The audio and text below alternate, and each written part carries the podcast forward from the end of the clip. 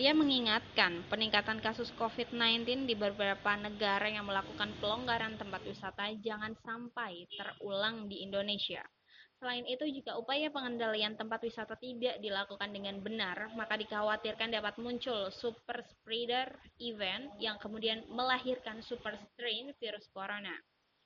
Sebagaimana diketahui, super strain virus corona berkontribusi terhadap tingkat keparahan pandemi COVID-19 seperti yang terjadi di India. Harapan agar situasi COVID-19 di Indonesia pasca lebaran tak seperti di India terus disuarakan.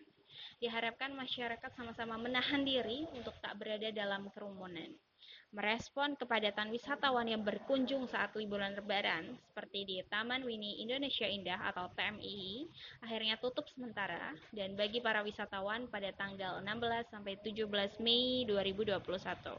Keputusan tersebut disampaikan oleh Kepala Bagian Humas